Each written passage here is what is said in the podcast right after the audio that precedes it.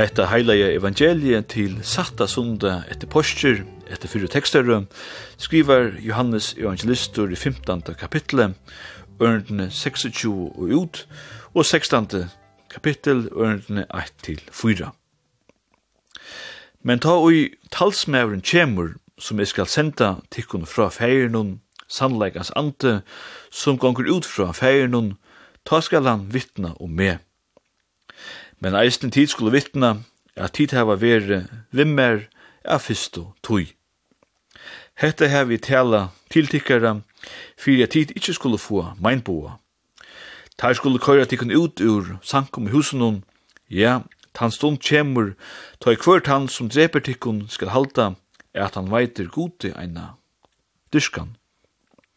Og hetta gjerra tær at du at jeg først kjenna feiren etla med. Men hette har vi tala tiltikkara fyrir tid, ta et en stund kjemur skulle minnast at jeg har sagt tikkum til men hetta sier tikkum ikkje er fyrste tog vi til at jeg vær tja tikkum. Prætikoteksten til morgen er ikkje hver som helst. Nøkker av ørnum sies enn ta over årsøkjen til det stora såkallaja skismaje, den store skillnaden som hendte i åren 1004 ta kyrkjan for i tvinningar. Omframt er vi høttet til romversko katolsko kyrkjana, fink vi eisne til ortodoxo kyrkjana i ester i Europa. Årsøkjen vær til luttla latinska åre fili åkve, som mestjer og sononon, og hetta var et strusmål i lærerne om tru trøyendina, til å lærerne om god feir, sonen og heilige andan. Okkara folkekirkje hever trutjar, truar, jottaner til apostolsko, til nikensko og til atanasiansko. Vanliga brukar vi bæra til apostolsko og så til nikensko til særlig høve. Tan nikenska sier upprunalia at tan heilige anden tjekk ut fra feiren Og hetta kunde skilja som at sonuren ikkje var eins og feiren, at heir ikkje var eitt, etla ikkje heilt jauner. Tui yngstu selja kyrkjeline vestanfyrre er at få stafest vi tjei Thomas heime, er at han heile anden tjekk ut bægi fra feiren og sonunun. Om lei år tusen, om samme munte som kristendomen kom til fyrja vi Sigmunde, som hun sier fyrr, Vær tog hette året fili åkve og sonen hon skøytte poita nikensko tjuar bjottanna.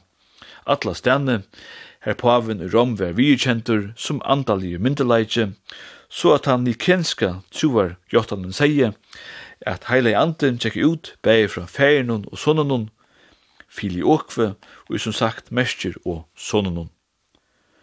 Og i åren 1054 blei hetta ein av høvesgrunden som skilte Estur og Vester Europa, ta talan vær om troarspurningar. Og troligt sier onkur kanska er hetta luttla åre, fili åkve, vi mersker og sonen skulle få hesa risa kyrkjena eit skrattna, Estur og Vester Europa. Mian til bysan tinska rujtjivær og ui hattene, vær mengan røynta mekla, og i öldnun som komo. Sættene kom så til vi kalla sia skifte, etla til så vi kanskje vi gjennom minne og heften året nevna trobåten, eisne kalla reformasjonen. Og ta valgt til protestantiske kyrkjenar at fylgja vesturlenskare sivenjo, Hoas trobeleisen ikkje vær så storur, tog herkje okkon er som sagt nekv vanligare er bruka til apostolsko tjuar bjottanna enn til nikensko. Sjølvandi er slug strui og ósemjur åheppen. Sjølvandi er betre sauna enn a spia, men skulle vi vera bjarskikt, og ta skulle vi, så ligger eit engasjement at han fyrir kvarja konflikt. Ein ahue som drivur verste, og så leiser eisne vi kyrkjo søvne. Vit er eim om tega vi tryggvoa, hoas vi samstundes kunne vira onnur. Men predikoteksten til morgen er om støvne etter Krists himmels fredag, som var fredagen, og ta talsmævren, samskiftesmilen etla kommunikatoren skal koma.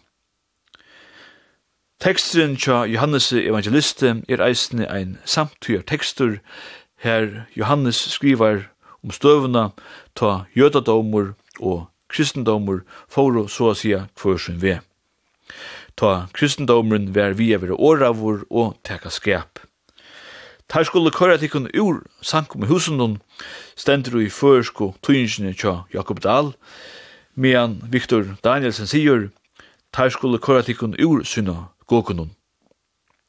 Og i griska upprunna teksten stendur eisne syna gokunun.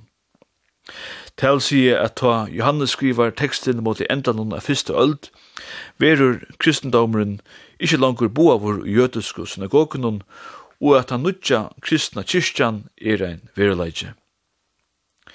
Og i teksten finner vi særlig troi likla hotøk. Talsmannen, sannleggas anda, og til at vittna. Kjente godfrøyngren Karl Barst skriver i versen Guds år som godfrøynar oppgava, mittel anna såleis, at det er tås som god er ikkje gjørligt, tog vi enda alltid at tås som okken sjolv. Men ta talsmæveren kjemur pui, og han kan tåsa fyrir okkun, ta okkun tørvar år. Hette er en grunnleggjande støva, og at truna av en byrjar hei vid menneskasliga ikkje hava meira a sia.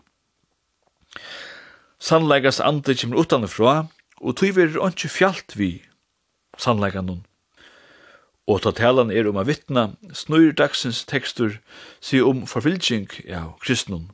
Vi vita vel at jøkken søvna heva kristin forfyllt ørvusti hugsande, og tugir til at vittna treite av at vi er reili, sier Karl Barst.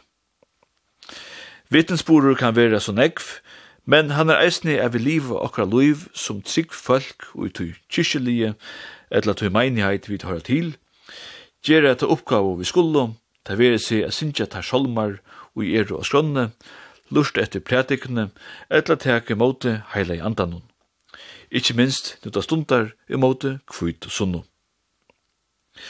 Vi enda kvöld vi førskun kor tonleidje. Er fløvene skjærer vintur høyra vid vokalensemble Noah Tone under leislu av Johannes Rae, sinja fyrsta solm tja Davide. Verste skriva i Sundleif Rasmussen til hentan teksten i gamla testamentet og var frum framførst av Olasøku under 1903 og 1905. Hentan upptøkan er gjørt i fullfæra kyrkjo i 1994, Oddvur Johansen lagt i Orko, og Hein Kamstel var registrator. Gåan, sånn det.